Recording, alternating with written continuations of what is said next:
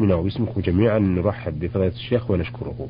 آه هذه الرسالة من آه المرسل أخوكم في الله من المنطقة الشرقية الشين راء نون.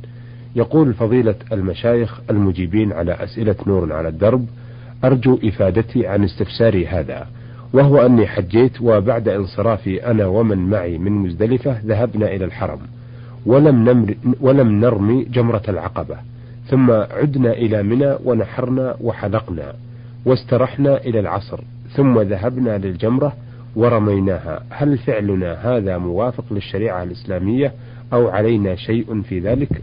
أرجو آه، أن نسمع الرد مذاعا في القريب. الحمد لله. آه، فعل الإخوان هذا وهو أنهم عندما نزلوا من مزدلفة ذهبوا إلى المسجد الحرام فطافوا طواف الإفاضة. نعم. ثم رجعوا إلى منى نعم.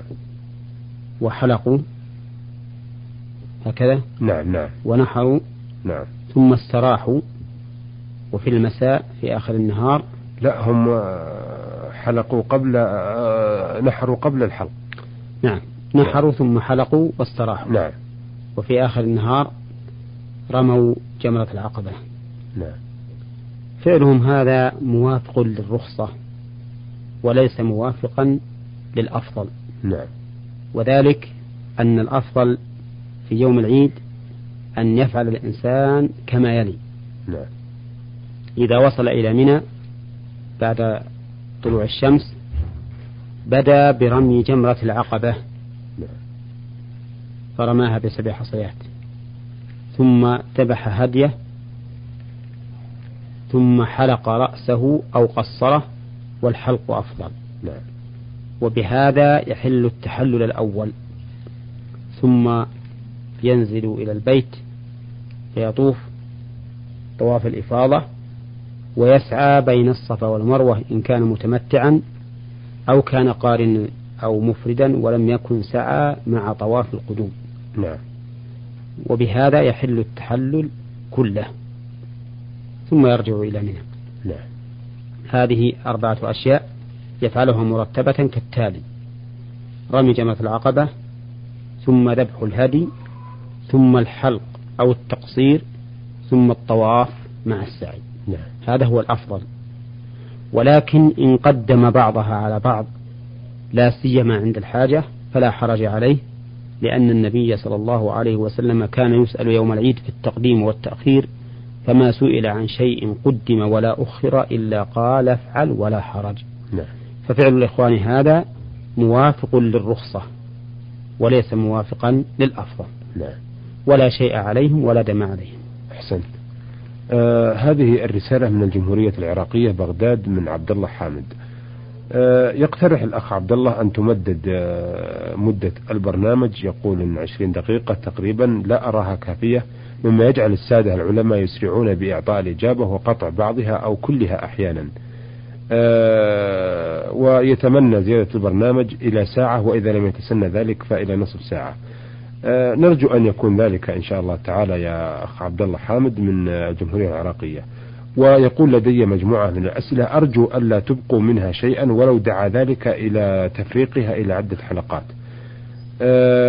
رسالته أو سؤالها الأولى يقول عند زيارتي لمقبرة أو مرقد آه، لأحد الرجال الصالحين بعد السلام أقرأ سورة الإخلاص ثمان مرات وأدعو الله للأموات أو صاحب المرقد مبتدئا برسول الله صلى الله عليه وسلم.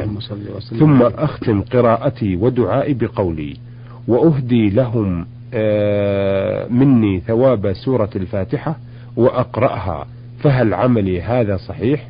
وبما تنصحونني وهل يجوز عند زيارتي لقبر رجل صالح صلاة ركعتين لله تعالى بجوار القبر وقراءة القرآن والدعاء له؟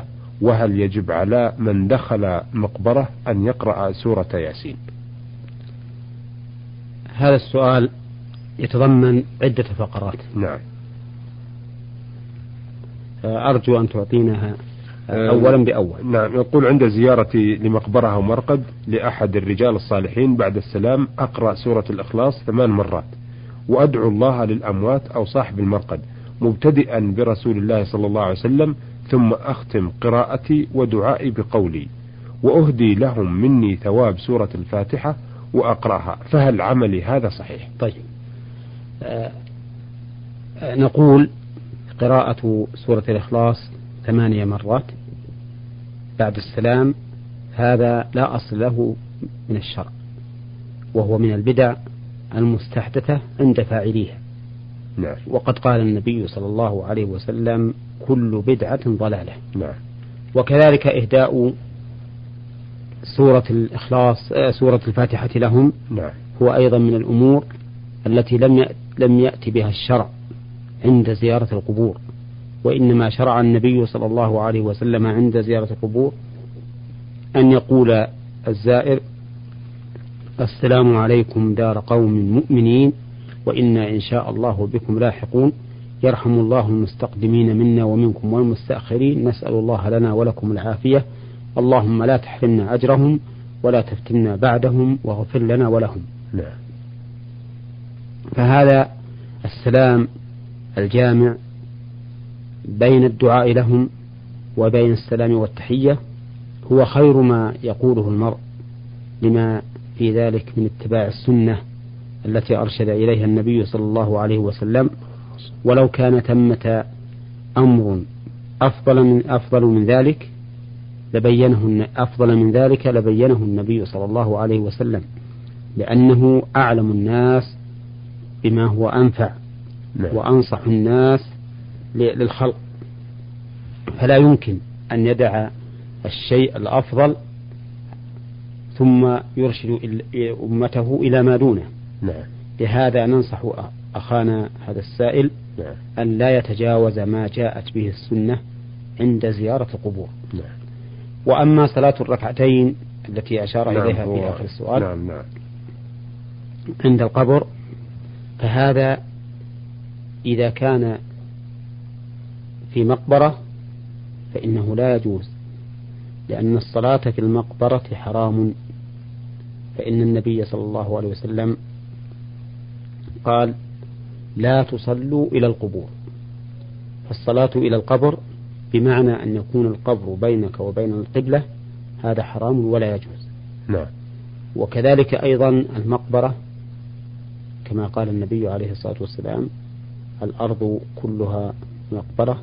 مسجد إلا نعم. المقبرة والحمام نعم المقبرة ليست محلا للصلاة وإنما يستثنى من ذلك الصلاة على الجنازة لأن النبي صلى الله عليه وسلم ثبت عنه أنه خرج إلى جنازة رجل دفن أو امرأة كانت تقوم المسجد فلما نعم. علم بها خرج إليها فصلى على القبر صلى الله عليه وسلم فلا يستثنى شيء من الصلاة يصلى في المقبرة إلا صلاة الجنا إلا صلاة الجنازة. نعم.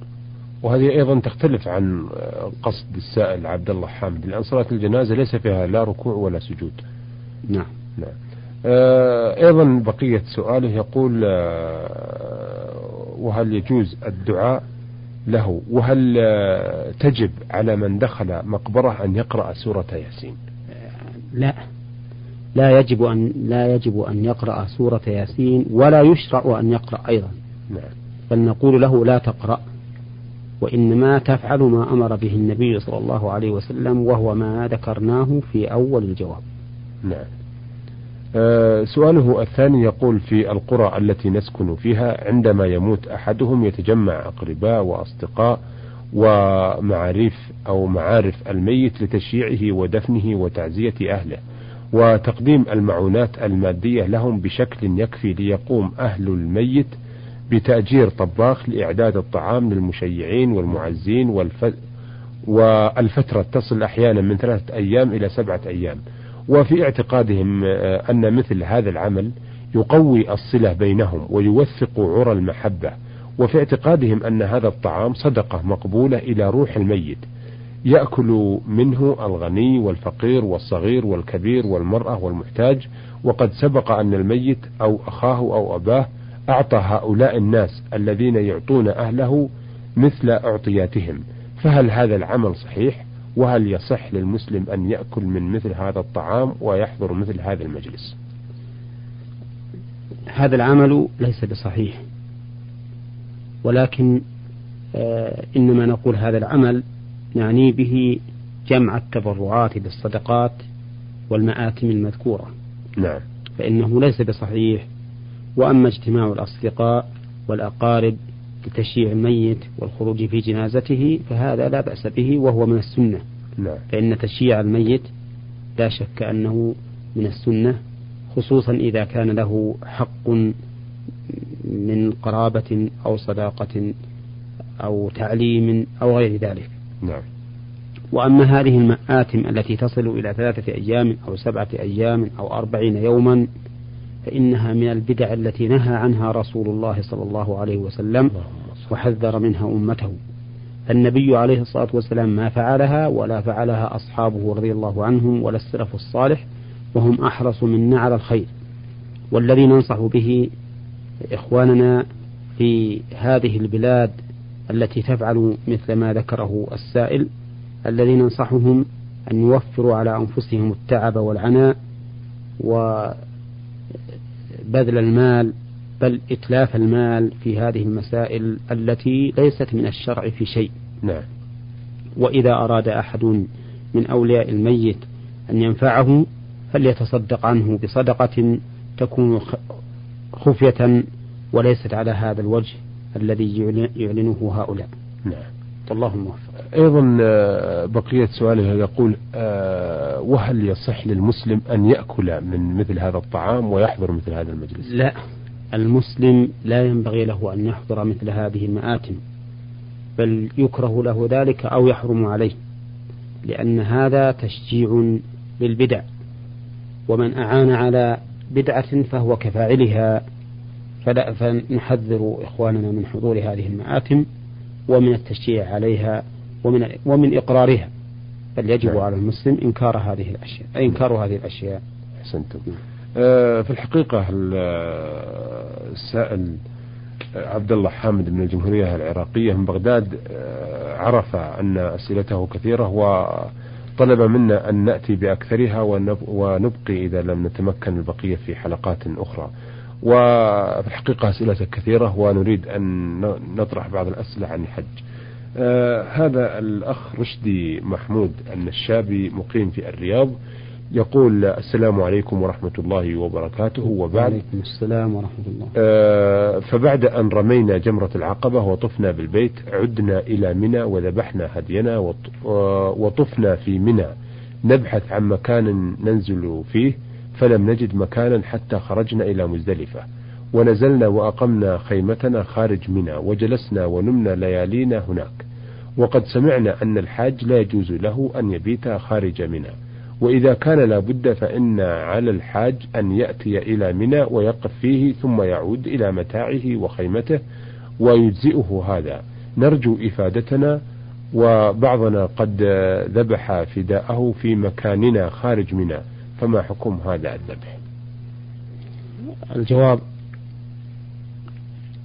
إذا لم يجد الإنسان مكانا في منى للنزول فيه بعد البحث التام والتنقيب في منى كلها نعم. نعم.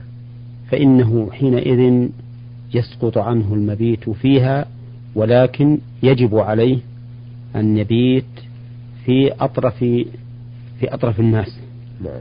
بمعنى أن تكون خيمته متصلة بخيام الحجاج نعم.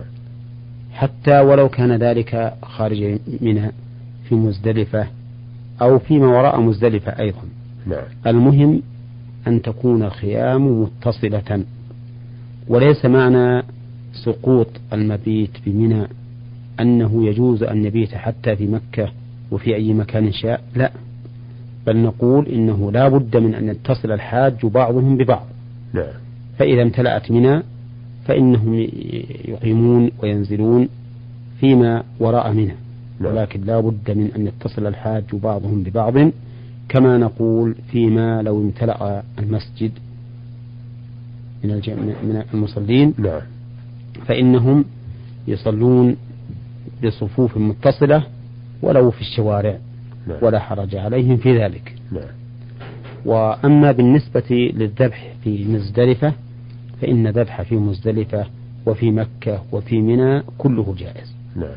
كل ما كان داخل أميال الحرم فإن ذبح الهدي فيه جائز ولا حرج. لقول النبي صلى الله عليه وسلم كل فجاج مكة طريق ومنحر. نعم. أحسنتم. آه هذه رسالة من آه بركات أحمد القرني من القنفذة. آه يسأل عن الأضحية. يقول هل يجوز ذبح الطلي المخصي ضحية أو لا يجوز؟ نعم يجوز أن يذبح الهدي الأضحية. يجوز أن يذبح الخصي في الأضحية. نعم. حتى إن بعض أهل العلم رجحه على الفحل.